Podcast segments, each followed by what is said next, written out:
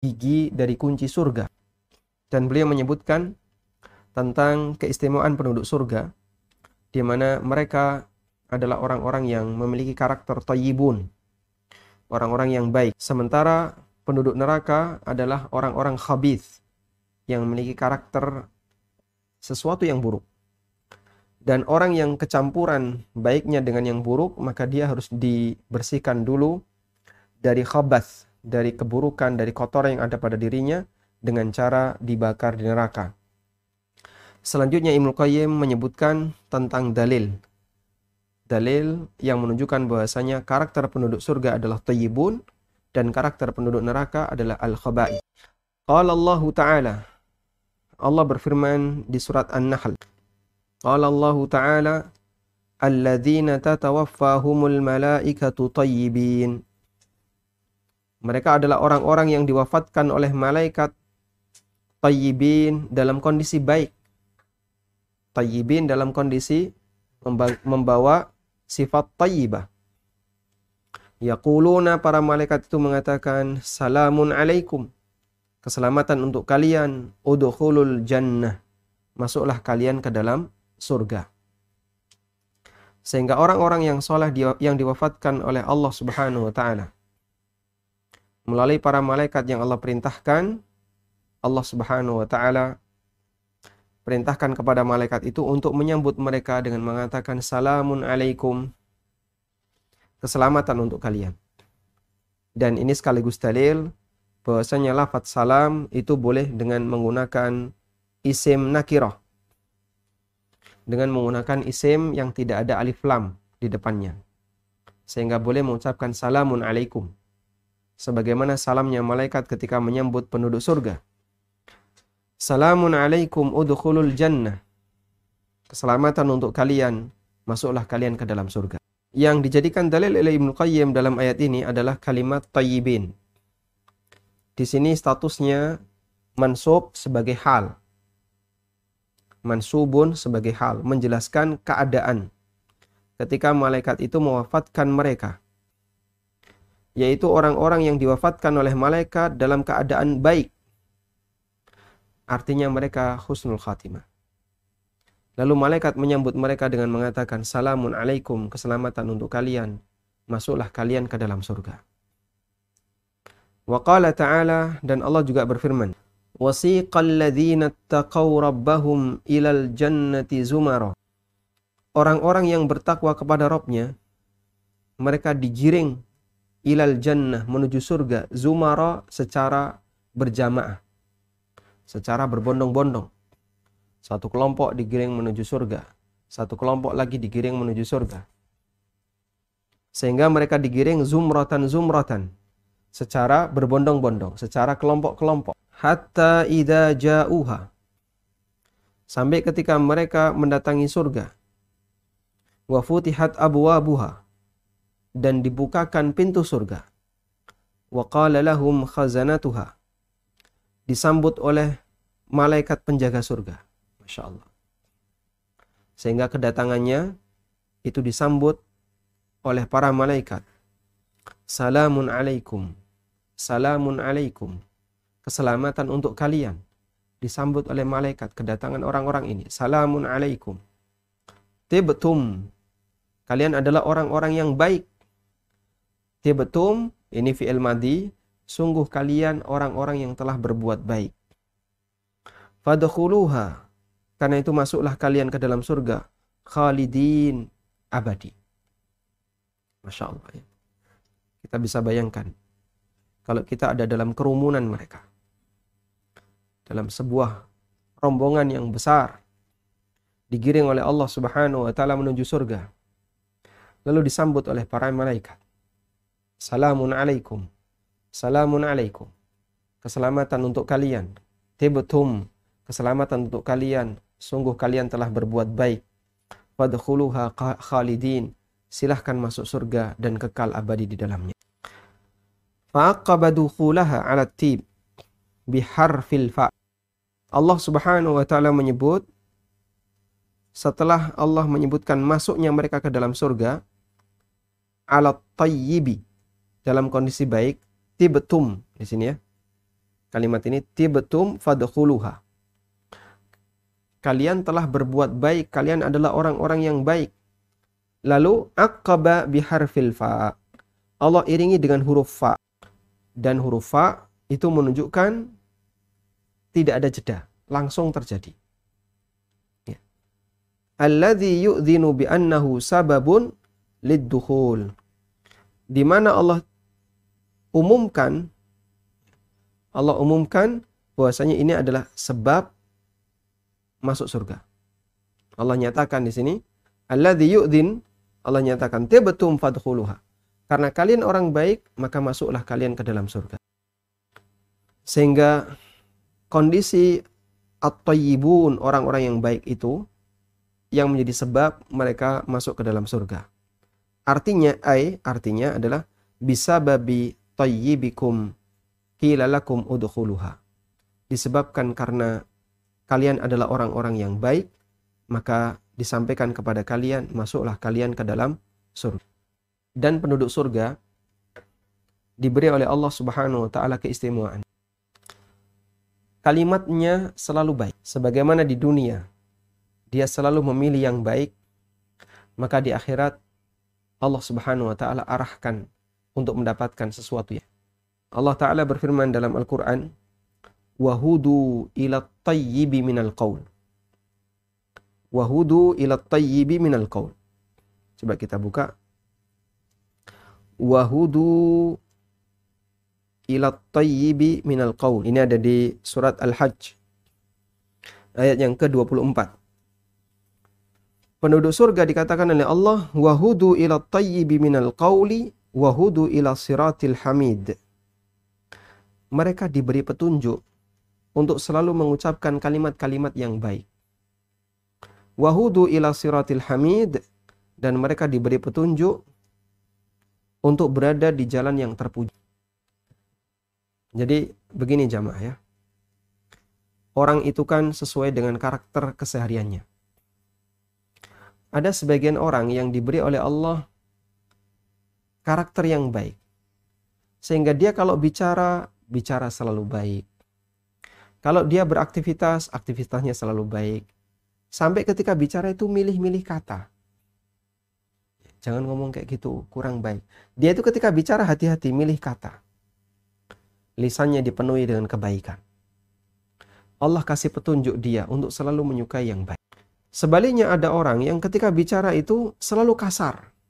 Keras, kasar, yang keluar sering kali binatang, sehari nggak nyebut binatang kayaknya nggak pernah.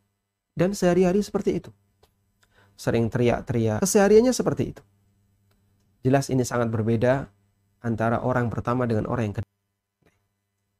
Allah Subhanahu wa taala menyebutkan salah satu di antara ciri penduduk surga adalah wahudu ila tayyibi minal qaul. Dia itu dikasih oleh Allah kemudahan untuk bicara yang baik. Sehingga di mana pun dia berada, itu ngomongnya enak didengar ngomongnya santun, ngomongnya baik, tidak bikin nyelekit, tidak menyakitkan hati. Kalau bicara ditata, kalimatnya tidak merusak hubungan orang lain dan. Sebaliknya ada sebagian orang yang bicaranya itu gak enak dan seperti itulah karakter di mana ada sebagian orang yang diberi petunjuk oleh Allah seperti itu dan ada sebagian orang yang dijauhkan oleh Allah dari petunjuk untuk memilih bicara-bicara yang baik. Sehingga setiap kali dia bicara selalu kasar, selalu keras, binatang yang keluar dan seterusnya. Maka sebagaimana ketika di dunia dia selalu memilih yang baik. Zikrullah, kebaikan. Baca Al-Quran, kebaikan. Apalagi? Kemudian memberikan tausiah, kebaikan. Termasuk bicara dengan orang lain, tidak memutus silaturahmi, tidak menimbulkan permusuhan, kebaikan. Membahagiakan orang lain dengan lisannya. Idkhalul surur. Menyematkan kebahagiaan kepada orang lain. Itu juga kebaikan. Orang seperti ini yang dijaga oleh Allah lisannya, insya Allah akan mendapatkan kebaikan di akhir. Sebaliknya orang yang selalu memilih pembicaraan yang buruk. Puncak keburukan adalah kalimat kesyirikan. Dia mengucapkan kalimat-kalimat kesyirikan, dia mengucapkan kalimat-kalimat yang mengundang murka Allah. Belum lagi kesehariannya orangnya keras, kasar. Kalau bicara nggak menjaga sopan santun, ceplas-ceplos. Jadi ini bukan kelebihan, ini perlu dijaga. Kadang begini ya, kamu sama aku harus menerima aku ini orangnya ceplas-ceplos. Jadi kalau dengar saya nyelkit ya kamu jangan marah ya. Ya nggak bisa gitu pak. Ceplos-ceplos itu bukan prestasi. Dia itu orang yang ceplos-ceplos ngomong sampai naik dewi itu bukan prestasi. Ya saya adanya kayak gini. Adanya kayak gitu itu penyakit. Anda tidak normal kalau itu dibiarkan. Sehingga harus diarahkan ke arah yang kadang kan orang mencari alasan tolong saya ditoleransi saya ini ceplas-ceplos saya ini ngomongnya kasar saya ini dan itu kadang beralasan dengan daerah Oh pantas, kenapa? Dia dari Jawa Timur. Nggak semua kok kayak gitu. Dia aja yang misalnya orangnya tidak mau milih yang kalimat-kalimat yang baik.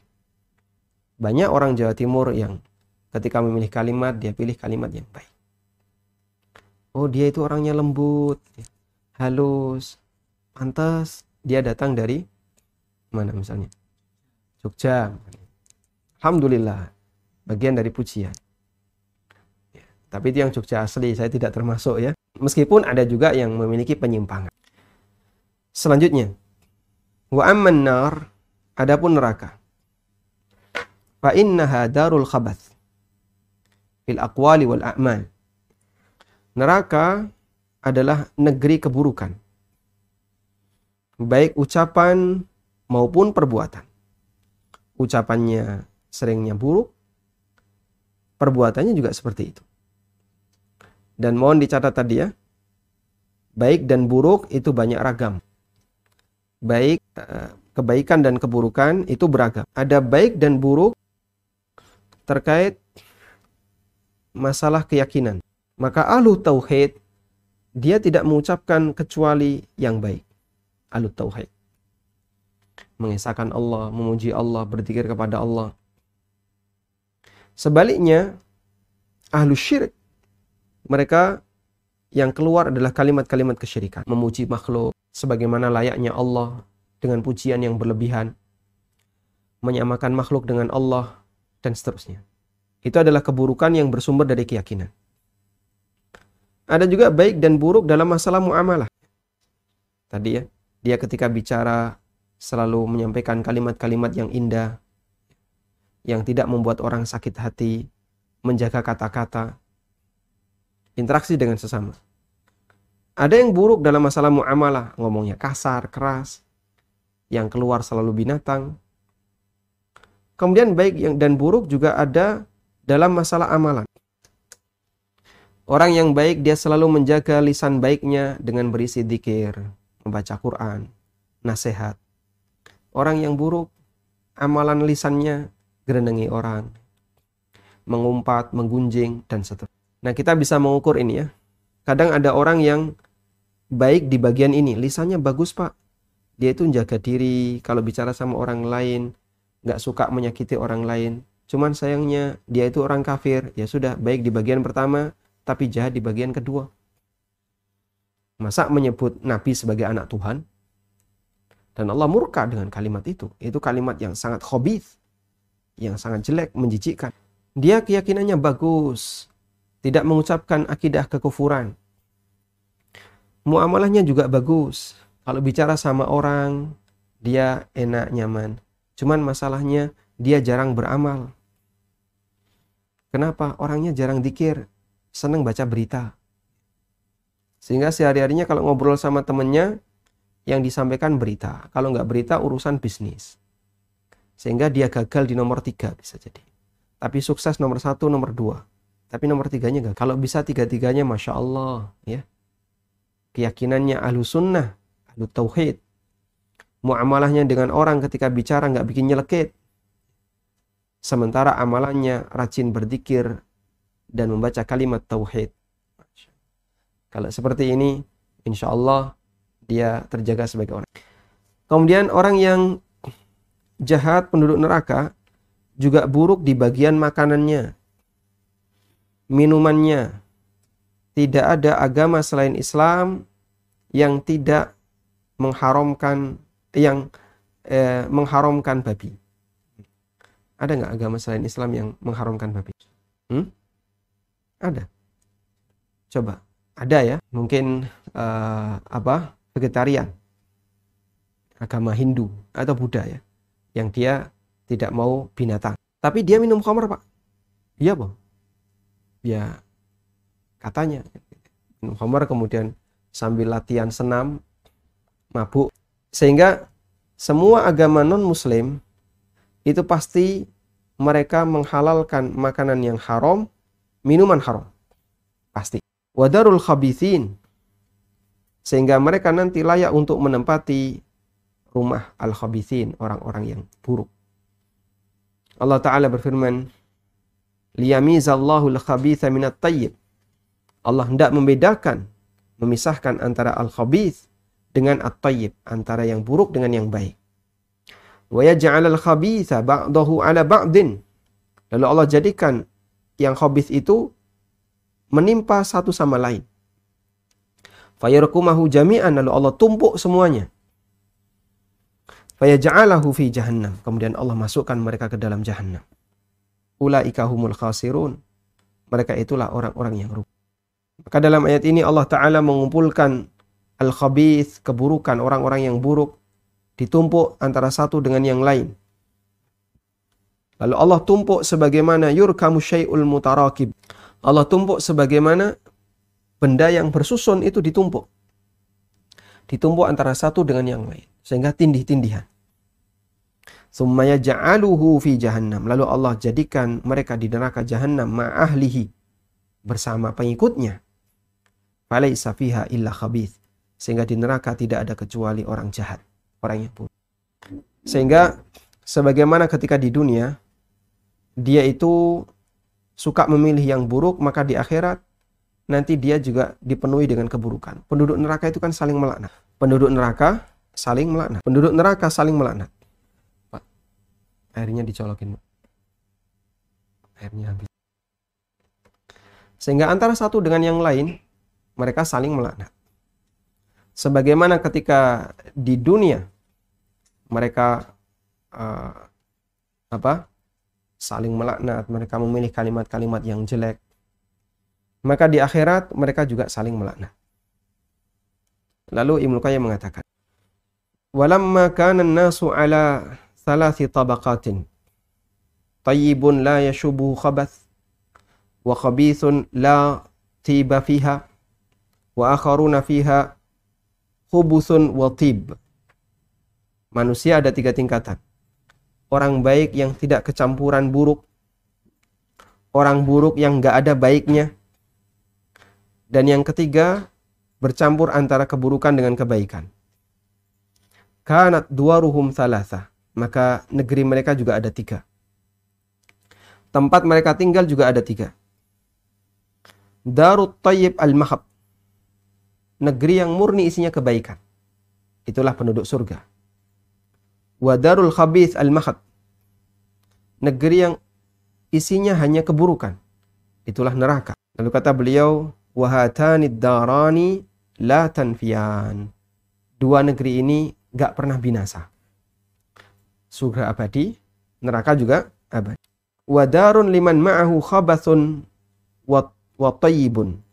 Dan satu negeri akan dihuni oleh orang yang bercampur antara keburukan dengan kebaikan. Wahiyad darul lati tafni dan itulah negeri yang akan binasa. Wahiyad darul usat itu adalah negerinya para tukang maksiat. Fa innahu la yabqa fi jahannam min usatil muwahhidin ahadun. Karena tidak akan tersisa di neraka jahanam ahli tauhid yang bermaksiat. Seorang pun semuanya diselamatkan oleh Allah setelah khabithnya, setelah kotorannya dibersihkan di neraka. Fa innahum idza udzibu biqadri a'malihim ukhriju minan nar.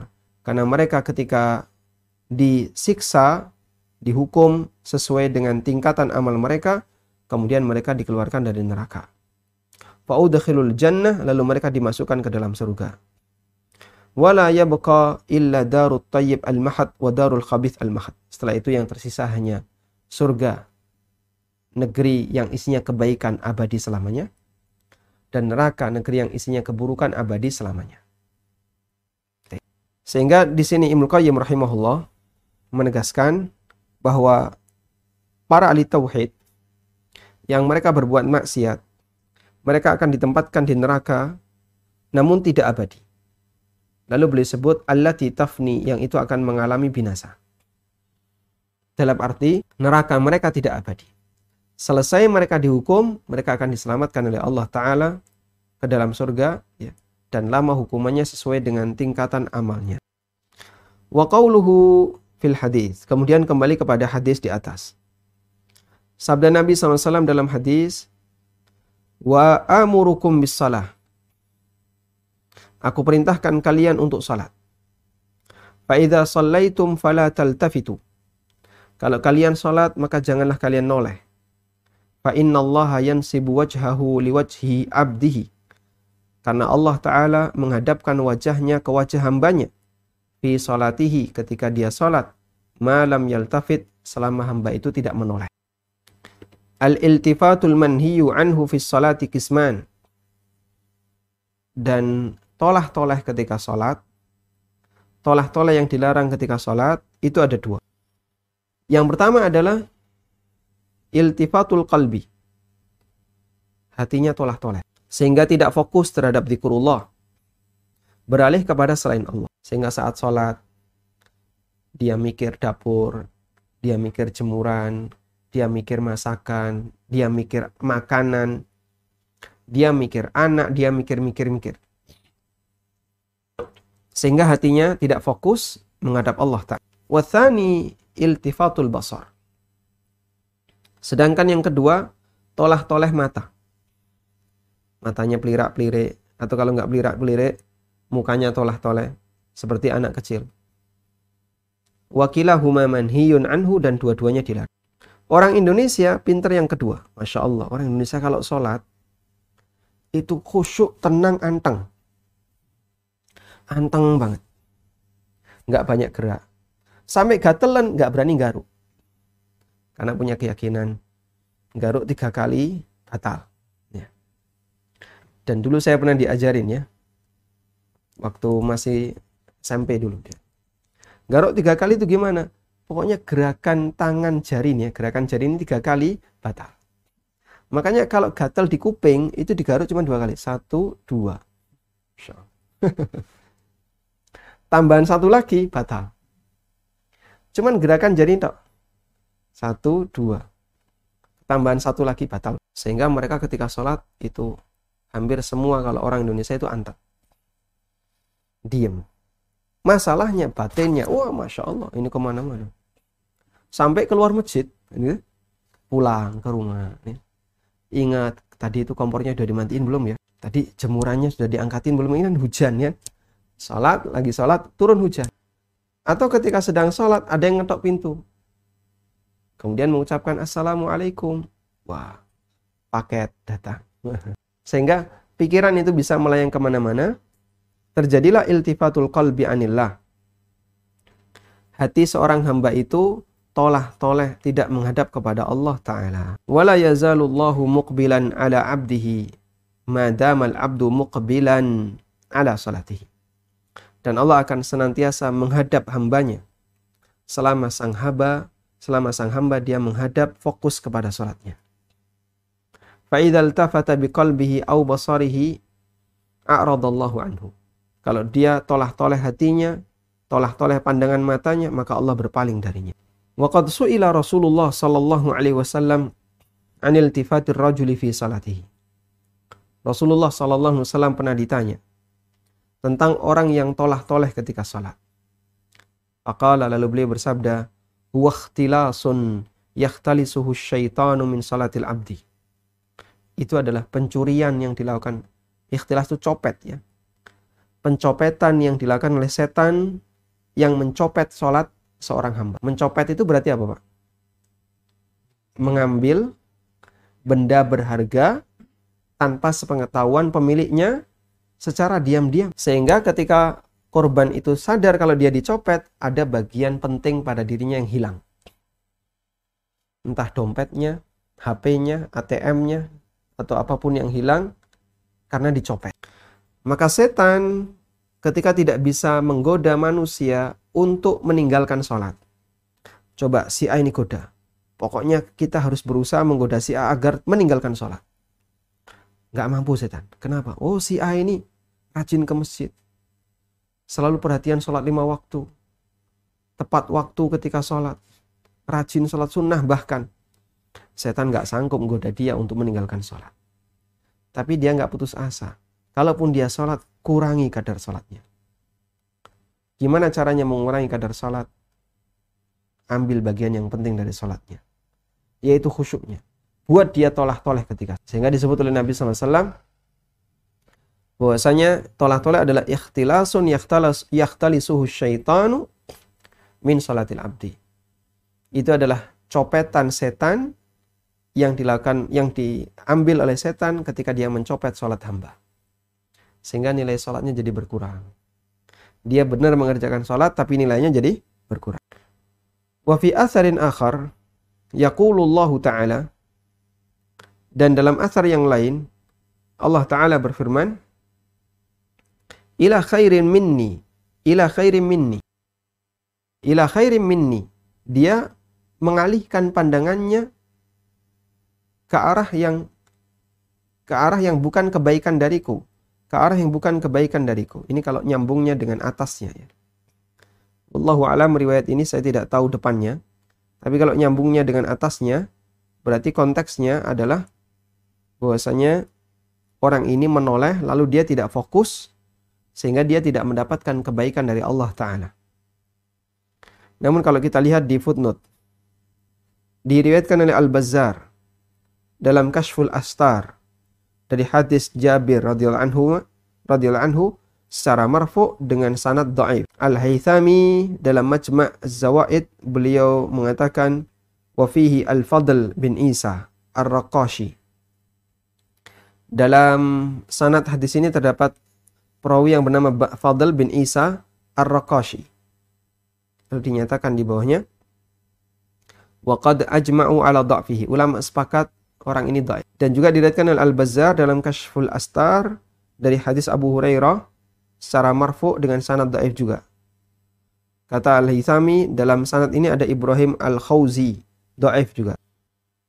Wal mahfuz fi hadha ma huwa akhrajahu al-Ukaili fi du'afa wa Abdul Razak fil Musannah wa Ibn Abi Syaibah fil Musannah an Ata.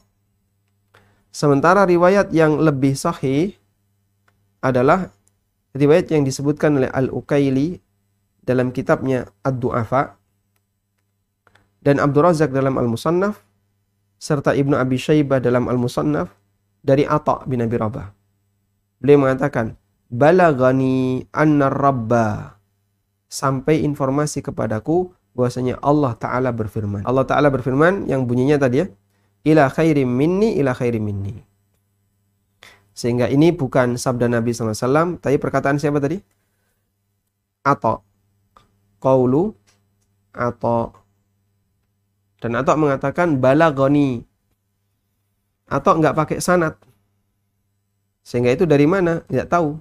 Atau cuma mengatakan, dengar-dengar, saya pernah dengar, balagoni, ya, saya pernah dengar Allah Ta'ala berfirman seperti ini. Sehingga dalam hal ini, atau rahimahullah tidak menyebutkan tidak menyebutkan sanad itu dari mana. Kita lanjutkan. Kemudian Ibnu Qayyim membuat permisalan. Wa mathalu may yaltafitu fi salatihi bi basarihi aw bi qalbi. Perumpamaan orang yang menoleh ketika salat. Baik noleh pandangan matanya ataukah noleh hatinya. Mathalu rajulin qad istad'ahu as-sultan itu seperti orang yang diundang oleh sultan. Diundang oleh raja. Kemudian dia pun menghadap di hadapan sang raja. Wa akbala yunadihi wa yukhatibuhu. Kemudian dia mulai memanggil dan mengajak bicara orang ini. Wa huwa fi khilafi dzalika yaltafitu anis sultan yaminan wa shimala. ketika dia sedang diajak bicara oleh sang raja, orang ini tolah-toleh kanan kiri. Orang ini di hadapan raja bicara dengan raja sambil apa? Tolah-toleh.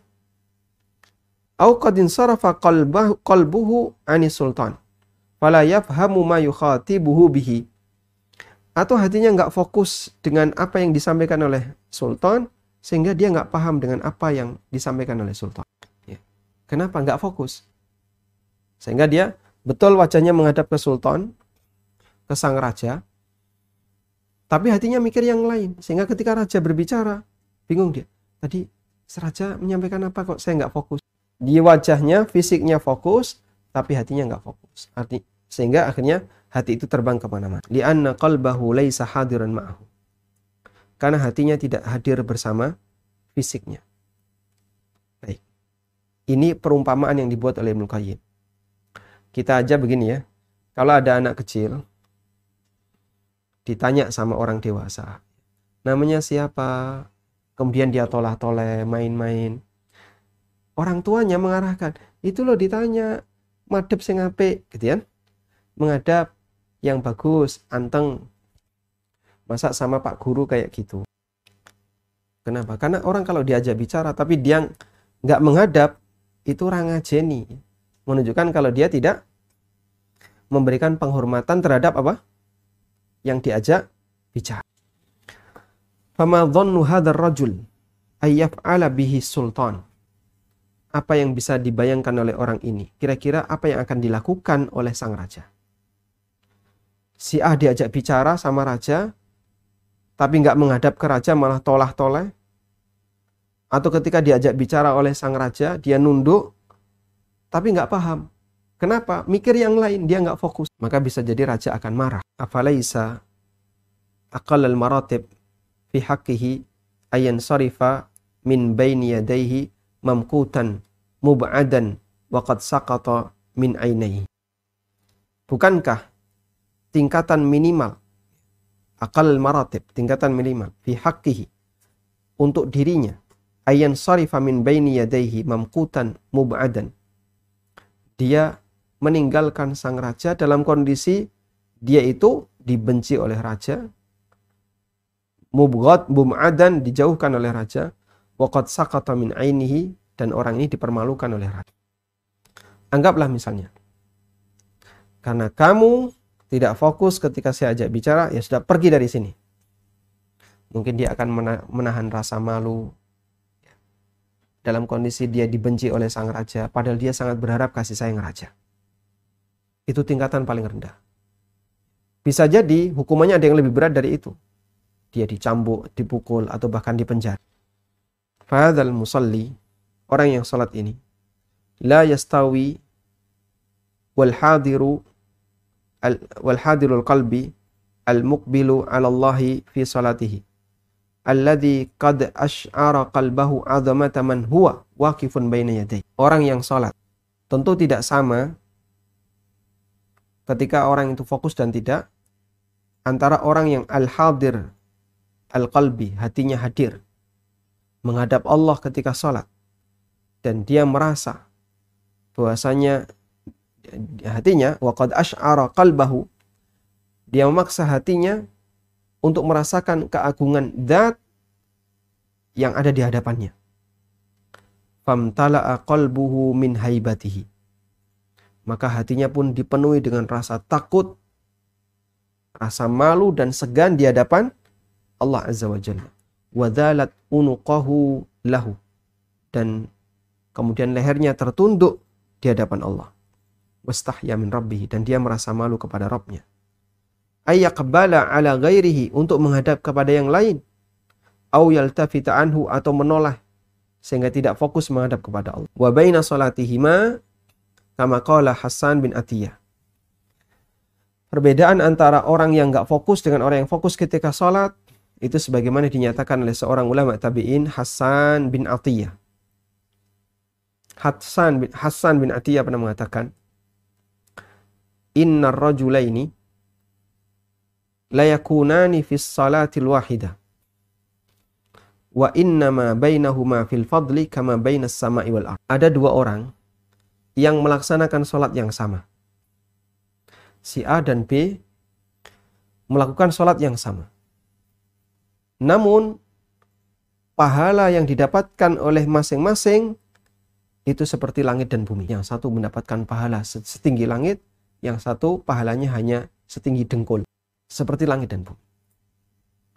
Sehingga orang yang sholat dan dia menghadapkan fisiknya kepada Allah, batinnya juga menghadap kepada Allah, Allah akan kasih banyak pahala. Sementara orang yang sholat fisiknya bisa jadi menghadap Allah dan batinnya tidak menghadap Allah.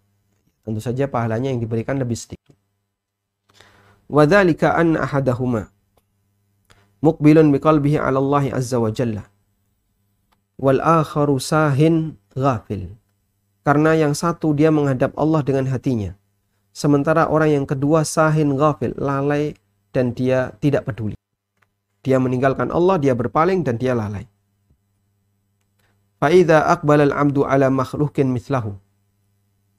Ketika seorang hamba itu menghadap makhluk semisal dengan dia. Si A menghadap kepada sultan, kepada raja, atau kepada bupati atau gubernur. Wa bainahu wa bainahu hijab. Sementara di antara keduanya ada hijab. Lam yakun iqbalan wala taqriban itu tidak bisa dianggap sebagai bentuk menghadap dan mendekat. Sehingga dia datang ke Pak Bupati, namun di balik tembok. Maka dia belum dianggap apa? Menghadap Bupati. Kamu tadi ke mana? Suruh datang menghadap. Saya sudah datang Pak Bupati. Tapi di balik tembok ini, kursi Bapak kan di sini. Saya di sebelahnya. Saya menghadap ke arah Bapak. Loh mana saya tahu kalau kamu ada di situ. Berarti dia belum dianggap menghadap. Famadzannu bil khaliq azza wa jalla. Maka apa yang bisa Anda nilai ketika orang menghadap kepada Al-Khaliq? Namun ada tabir tebal yaitu iltifat dia tolah-toleh baik fisiknya maupun hatinya. Wa idza aqbala 'ala al-Khaliq azza wa jalla wa bainahu wa bainah wa hijabu syahwat. Ketika seorang hamba menghadap Khalik azza wa jalla lalu tertutup dengan hijab syahwat hijab waswas, hijab an-nafsu al-mashghufah biha. Jiwa yang selalu ngobrol, yang selalu sibuk mikir-mikir banyak.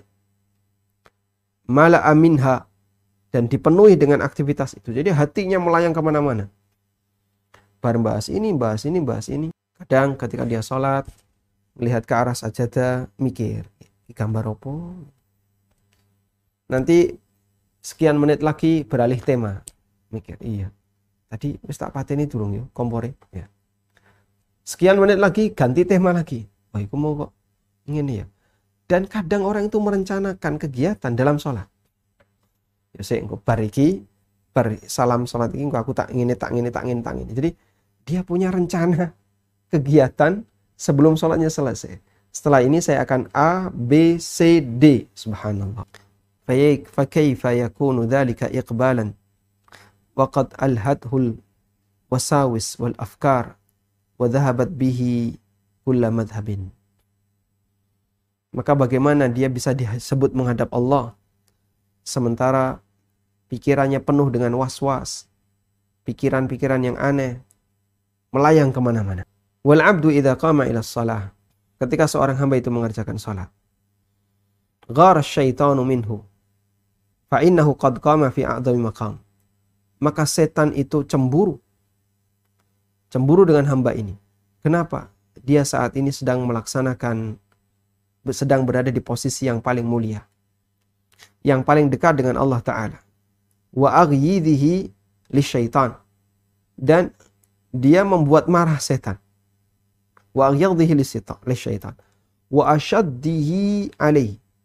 Dan itu paling membuat kesal setan fahuwa yahris maka dia semangat dan berjuang kullal ijtihad dengan perjuangan maksimal Allah yukimahu fi jangan sampai orang ini salat jangan sampai si fulan ini salat gimana caranya pokoknya dia jangan sampai salat balla yazalu bihi ya'iduhu wa yumannihi wa yunsihi akhirnya dibuat oleh setan ya dijanji-janjikan tenang dulu santai dulu gak usah buru-buru waktunya masih panjang nanti aja sholatnya nanti aja nanti aja nanti aja mendekati matahari terbenam baru sholat.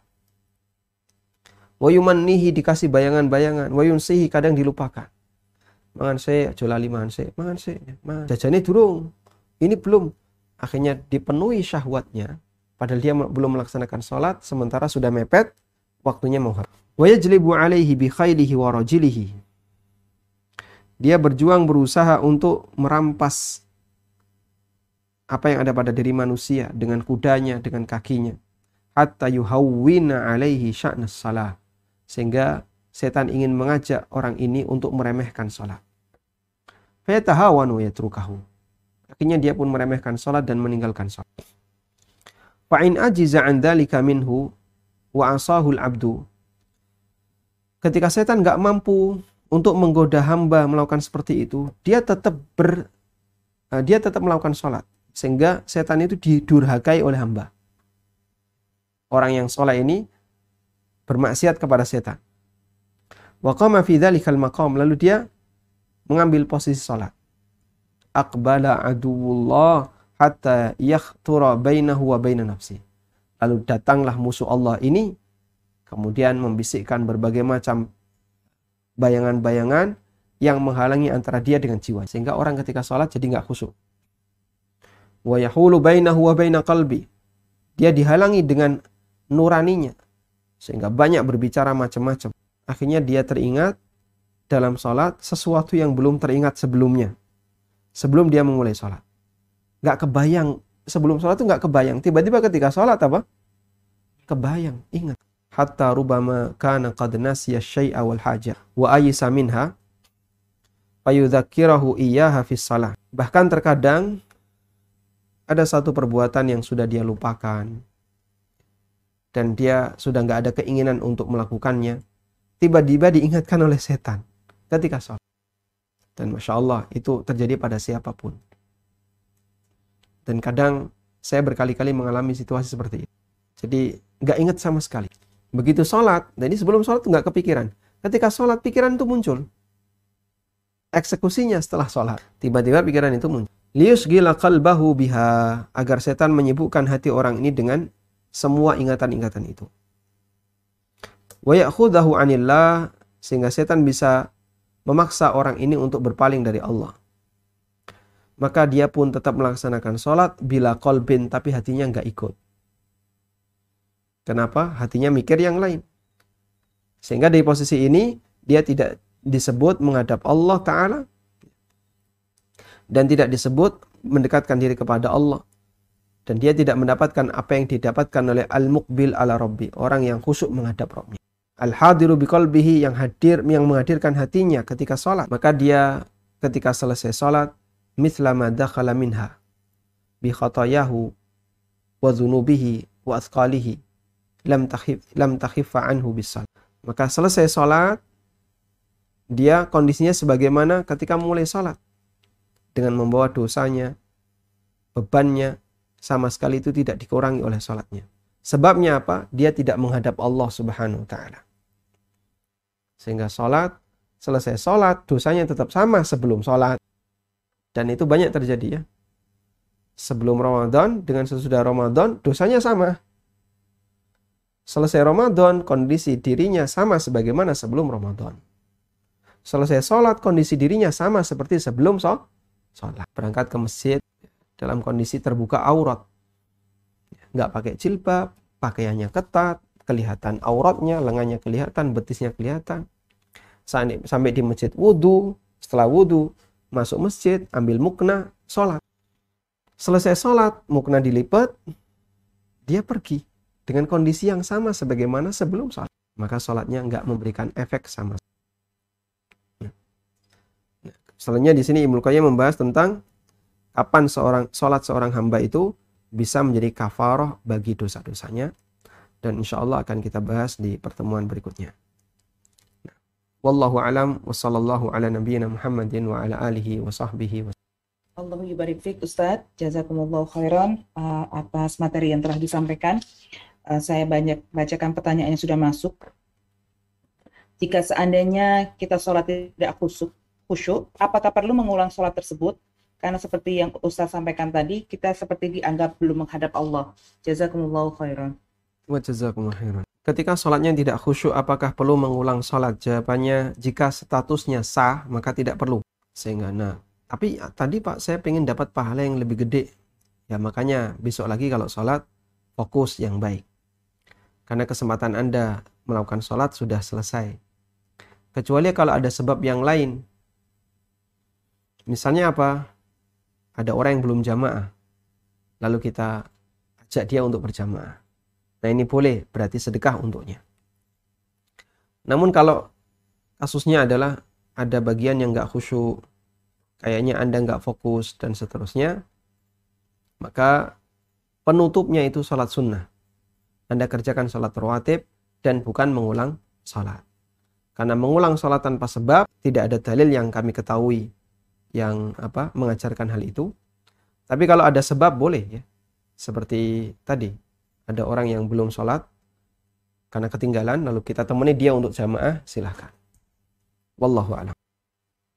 Seperti yang Ustaz sampaikan juga tadi, jika set, uh, setan membisa, membisikkan sesuatu ketika kita sholat, lalu ada orang yang menasehatkan jika lupa sesuatu, maka sholatlah. Bagaimana mencikapi hal ini, Ustaz? Jika gimana? Maksudnya gimana? Coba diulang. Ya, kan setan membisikkan sesuatu ketika kita sholat. Hmm. Eh, lalu di sini di, uh, eh, ada yang menasehatkan, kalau kamu lupa akan sesuatu, hmm. kamu sholat nanti setan akan ingetin mengingatkan kamu. kamu. Ya. Iya.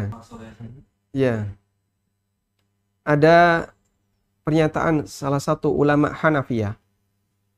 Ada salah satu pernyataan ulama Hanafiyah yang mengingatkan atau yang yang menganjurkan hal itu. Kalau kalau kamu lupa sesuatu, diingat-ingat, belum ingat-ingat ya, maka wudhu dengan sempurna, lalu kerjakan sholat, berusaha untuk khusyuk. Godaan setan akan semakin kuat.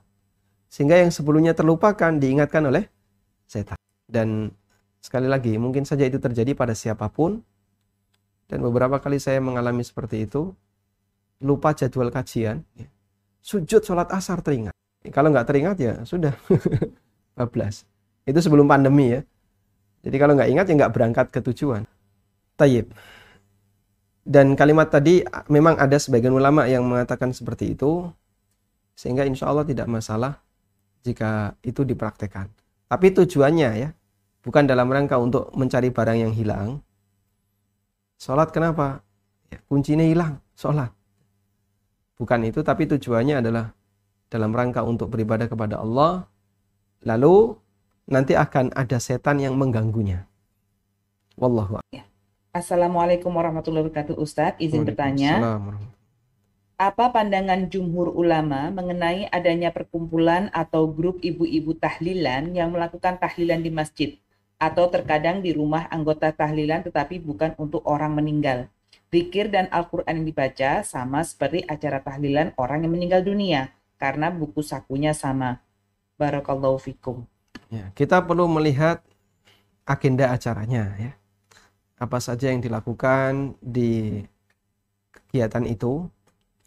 Apakah yang dilakukan sebatas membaca Al-Qur'an bersama atau berzikir bersama atau bagaimana? Karena untuk bisa menilai kan kita perlu tahu agenda detailnya.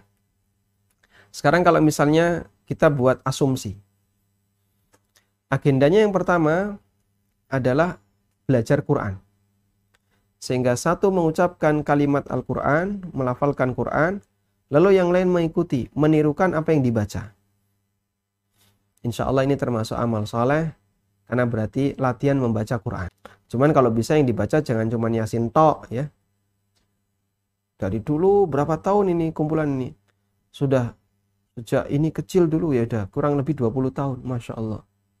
Tiap pekan 20 tahun. Betul Pak Ustadz? Nggak pernah absen. Ya kadang absen kadang libur. Itu seharusnya sudah hafal ngelotok banget 20 tahun. Tapi kok gak hafal-hafal? Itu ada apa padahal yang dibaca cuma satu surat yasin saja. Sehingga kita sarankan yang dibaca juga surat-surat yang yang kedua jika bentuknya membaca Quran bareng. Jadi tidak dikomando tapi bareng. Untuk yang nomor dua ini memang tidak ada dalilnya dan jika tidak ada tujuan untuk pembelajaran, kita bisa sebut ini amalan yang tidak berdasar. Bahasa kasarnya ya bid'ah. Yang ketiga dikir jama'i. Nah, dikir jama'i ini diingkari oleh Ibnu Mas'ud radhiyallahu anhu. Karena pernah terjadi di zaman beliau orang yang dikir jama'i. Kabbirullah, Allahu Akbar, Allah. Ayo kita bertakbir, Allahu Akbar, Allahu Akbar, Allah. Sabbihullah, ayo kita tasbih. Subhanallah, subhanallah, subhanallah. Sambil dihitung 100 kali, kumpulan beberapa orang.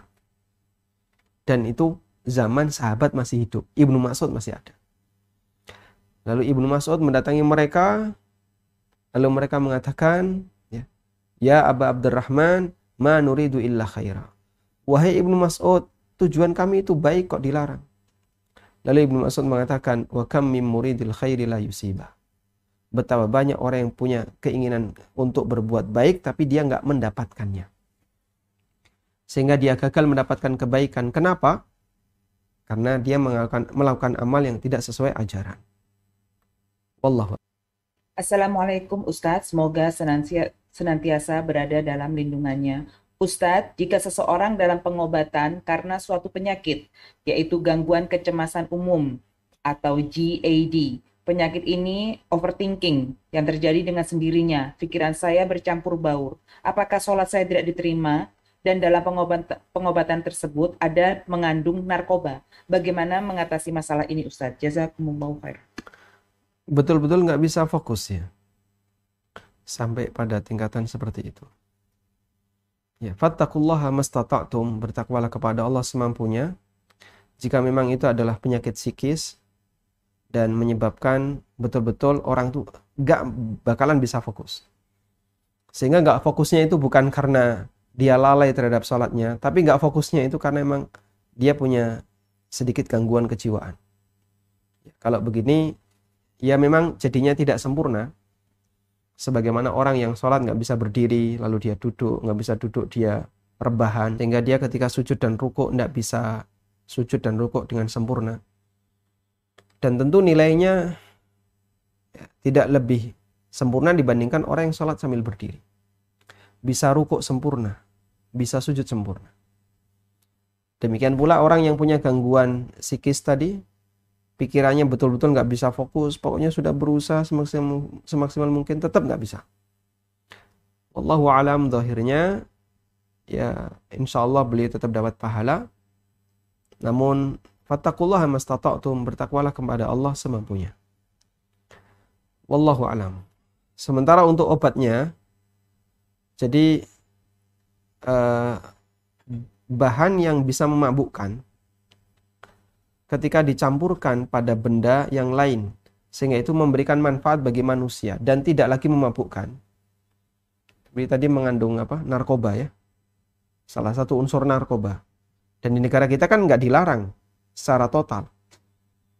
Boleh, tapi dikendalikan dengan ketat. Untuk dunia medis, ada yang diperbolehkan dengan kadar tertentu. Jika memang fungsinya seperti itu, insya Allah tidak masalah. Wallahu a'lam. Ustadz izin bertanya, subhanallah apa yang Ustadz utarakan semua itu terjadi pada saya. Um, terkadang saya mendapatkan ide ketika sholat atau saya teringat kunci yang hilang ketika saya sholat. Apa yang harus saya lakukan Ustadz? Jazakumullah khairan. Teruskan sholat ya. Jangan mutung gara-gara seperti itu. Ya gimana lagi itu sudah bagian dari apa ya? Bagian dari hal yang selalu melekat dalam sholat seorang hamba. Dan sambil kita belajar ya, berjuang untuk fokus, meskipun tantangan itu tidak mungkin bisa hilang. Karena setan tidak akan pernah ridho, tidak akan pernah tenang membiarkan seorang hamba untuk menghadap Allah Ta'ala dengan ikhlas. Sehingga dia akan selalu berusaha memberikan godaan. Dan dia punya banyak pengalaman.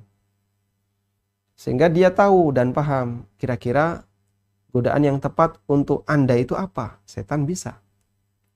Tahu, karena berdasarkan pengalaman dia. Di samping itu setan mengalir di pembuluh darah manusia.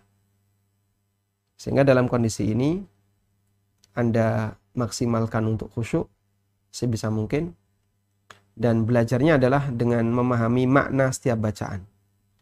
Dan inilah yang menjadi latar belakang kami menulis buku tafsir sholat karena banyak orang yang nggak ngerti ketika dia membaca bacaan dalam sholat ini maknanya apa ini maksudnya apa dia nggak ngerti dengan paham maknanya semoga bisa semakin menambah kekhusyuan sholat seorang hamba Wallahu a'lam Bagaimana hukumnya mengimami orang tua yang dimensia atau pikun yang lupa bacaan sholat dengan cara membaca jahar seluruh bacaan sholatnya? Apakah salah sah sholatnya, Ustaz? Kalau pikun berarti sudah hilang akal dan hilang akal tidak wajib sholat. Tapi bedakan dua ini ya, hilang ingatan dengan hilang akal. Sama atau beda? Hmm? beda ya. Kadang ada akalnya masih masih normal dia bisa berpikir, terdengar adzan, oh sudah sholat ya, sudah waktunya sholat. Tapi dia lupa, ini jam berapa, waktu apa ini. Terus diberitahu sama anaknya, ini subuh. Oh kok wis padang, oh, nyala terus kok lampunya. Dia nggak pernah merasakan gelap terang, padang terus. Akhirnya dia sholat subuh setelah diingatkan. Nah, lupanya itu di posisi mungkin bacaan Fatihahnya salah, mungkin sudah bacaan rukuk dan sujudnya salah. Nah, di posisi ini silahkan ada yang ngimami dan semuanya jahar. Dari awal sampai akhir.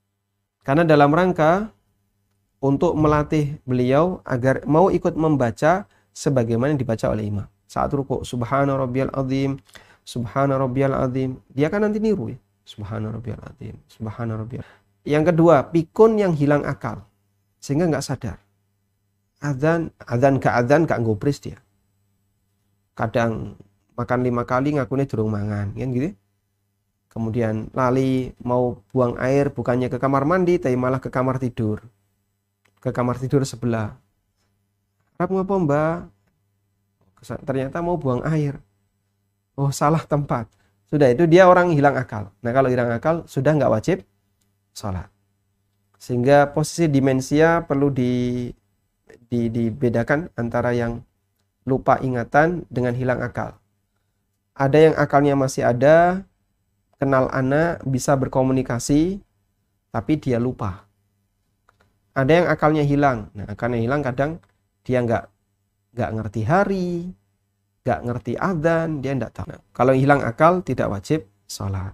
Wallahu alam. Uh, untuk melakukan zikir sebagai pengganti tasbih, apakah boleh menggunakan 10 jari kanan 10 jari, yaitu berarti kanan dan kiri, atau hanya hanya pakai jari-jari kanan saja Ustadz? Apakah boleh berzikir dengan jari kanan dan kiri? Mohon pencerahannya Ustadz Afwan. Hadis tentang kanan Nabi sallallahu alaihi wasallam yaqidu tasbih biyamini Nabi SAW menghitung zikir dengan tangan kanannya. Ini diperselisihkan oleh ulama mengenai keabsahannya. Apakah itu hadis yang sahih, hasan, atau dhaif? Ada yang menilai itu sahih, ada yang menilai itu hasan, dan ada yang menilai itu dhaif. Menurut ulama yang menilai itu dhaif, mereka mengatakan zikir itu yang penting dihitung pakai tangan. Tidak harus kanan. Sehingga boleh kanan kiri. Menurut ulama yang menilainya hasan atau sahih, maka yang lebih sesuai sunnah kanan saja, tidak melibatkan yang kiri. Tapi ini berbicara tentang teknis cara menghitung. Dan masalah teknis cara menghitung, sebagian ulama memberikan kelonggaran. Kalau ada orang yang dia nggak bisa menghitung dengan kan, dengan tangan, karena sering lupa, setelah jalan gini sampai tengah, iki mau teko jempol atau teko jendek gitu. Bingung dia. Gue balik menen, pada ini tadi mana ya? Maju kanan atau kiri dia? Akhirnya ruwet. Selalu ruwet yang kayak gitu. Maka sebagian ada yang membolehkan silahkan pakai tasbih. Dan di antara yang membolehkan pakai tasbih seperti uh, Syabin Bas. Beliau membolehkan boleh pakai tasbih dengan maksud untuk sebatas ngitung. Karena fungsinya kan ngitung. Beda kalau gini ya, saya pikir kalau nggak pakai tasbih itu nggak afdol. Nah itu beda. Sehingga dia beribadah dengan tasbihnya. Ini tasbih pak. Ini ono maling. Tak lempar ini tasbih. Beledul. Jeblok dur. Wah bisa jadi bom pak. Sakti ini tasbih. Nah, apalagi yang kayak gitu sudah nggak karuan. Ini kalau saya lapar tak putar-putar gini langsung warak. Nah yang kayak gini berarti dia sudah punya pikiran-pikiran nggak benar tentang tasbihnya. Tasbih dijadikan jimat jadinya. Dengan alasan ini sering dipakai dikir. Nggak benar ini. Tapi kalau hanya fungsi untuk menghitung, mau tasbih, mau counter itu ya. Sehingga ketika dikir sambil cekik, cekik. Itu kalau counternya bunyi. Kalau kan ada yang digital tuh yang nggak punya tik tik tik tik tik tik tik nggak apa-apa ya. Sebatas hanya untuk fungsi sebagai alat hitung. Bukan diyakini ini punya afdaliyah punya keutamaan. Wallahu um, ini pertanyaan ini sepertinya uh, uh, si ukti salah mengerti Ustaz tapi saya hanya membacakan saja. Ustadz Afan saya bertanya, izin bertanya. Seperti Ustadz bilang tadi bahwa kalau kita menggerakkan tiga kali itu sholatnya batal Pertanyaan saya, wanita bercadar saat sholat harus membuka cadarnya pas lagi sujud. Jadi tangannya naik turun ketika ingin membuka cadar. Ketika sujud, apakah sholat saya batal? Karena setiap saya mau sujud, tangan saya menarik cadar ke bawah. Karena kalau sholat dalam kondisi kita bercadar, hidung sama muka harus menyentuh sajadah. Bagaimana? Apa yang harus saya lakukan? Ustaz, jazakumullahu khairan. Wa jazakumullahu khairan. Ya, betul sekali ya ini uh, gagal paham dari yang tadi kami sampaikan, kita menyebutkan salah satu contoh pendapat sebagian orang dan bukan saya menyatakan itu. Bergerak dalam sholat lebih dari tiga kali boleh, bahkan berkali-kali boleh, selama tidak terlalu sering, tidak berturut-turut, dan ada kebutuhan. Ya. Kalau sering berturut-turut ada kebutuhan, insya Allah tidak batal sholatnya. Ini tiga syarat ini disebutkan oleh Imam Ibn Utsaimin rahimahullah. Nah kemudian khusus untuk orang yang sholat dalam posisi bercadar, menutup muka ketika sholat, ulama sepakat makruh. Kecuali jika ada kebutuhan. Karena hukum makruh jika ada kebutuhan, jadi mubah. Dalam kondisi pandemi, orang yang sholat semuanya pakai masker, bahkan diwajibkan. Kalau nggak pakai masker, suruh pulang. Sehingga ketika dia sholat, pakai masker. Nah, untuk sholat yang pakai masker, apakah ketika sujud dilepas? Nggak perlu, pakai terus sampai selesai. Ibu-ibu yang sholat di depan umum atau di tempat umum, kelihatan mukanya, kemudian pakai cadar. Terus gimana ketika sujud? Biarkan saja. Karena nanti Pak hidungnya nyentuh cadar. Sama sebagaimana orang pakai masker, hidungnya nyentuh masker. Nah itu nanti kalau nyentuh jadinya gimana? Itu nggak sempurna. Nah itu sajadah di depan Anda ketika dipakai sujud menghalangi hidung. Ada saja. Makanya yang seperti ini tidak memberikan pengaruh karena penghalang eh, penghalang anggota sujud yang hukumnya bisa membatalkan sujud hanya satu, yaitu penghalang sujud yang anggota sujud. Penghalang sujud yang merupakan anggota sujud. Maksudnya gimana? Sujud tangannya taruh batuk. Ini ya. Sehingga jidatnya terhalangi oleh tangan. Ini anggota sujud, ini anggota sujud, dihalangi. Batal sujudnya. Atau sujud tangannya ditumpuk. Sehingga tangan kanan tidak tersentuh. Karena dihalangi tangan kiri. Atau ketika sujud yang paling sering kakinya diangkat. Itu yang paling sering saya lihat. Dari duduk di antara dua sujud, sujud lagi, kakinya itu nggak nempel ke bawah. Dan kadang kakinya ditumpuk. Beberapa kali saya lihat orang kayak gitu. Yang kayak gini seharusnya yang lebih diperhatikan, yang lebih diperhatikan karena banyak pelanggarannya di masyarakat. Sementara peci agak maju atau mukna atau sajadah seperti ini memang penjelasan Imam As-Sa'di jika tidak dibutuhkan itu makruh sehingga kalau dibutuhkan itu diperbolehkan. Wallahu alam. Cukup insyaallah ya. Demikian yang bisa kita bahas semoga bermanfaat. Wassallallahu ala nabiyyina Muhammadin wa ala alihi wa sahbihi wasallam wa akhiru da'wana anil hamdulillahi rabbil alamin. Subhanakallahumma wa bihamdika asyhadu an la ilaha illa anta astaghfiruka wa atubu ilaik. Wassalamu alaikum warahmatullahi wabarakatuh. Alhamdulillah Gedung Sekolah Madinah Islamic Primary School unit kerajaan yang dibangun dari wakaf kaum muslimin dan muhsinin telah digunakan. Semoga menjadi amal jariah dan pemberat timbangan kebaikan di akhirat kelak. Nama saya Omar. Alhamdulillah hari ini masuk sekolah. Nama saya Adam. Alhamdulillah hari ini saya senang sekali masuk sekolah. Dan insya Allah dalam waktu dekat akan diadakan pesantren kilat lansia dengan pemateri Ustadz Ahmad MZ, Ustadz Amin Nurbait, Ustadz Wira Mandiri Bahrun, Ustadz Ristian Ragil, Ustadz Musa Jundana, Ustadz Ibrahim, dan Dr. Arifudin. Semoga gedung ini senantiasa memberikan kebermanfaatan, melahirkan generasi penghafal Quran, dan berbagai kegiatan keagamaan. Jazakumullah khairan.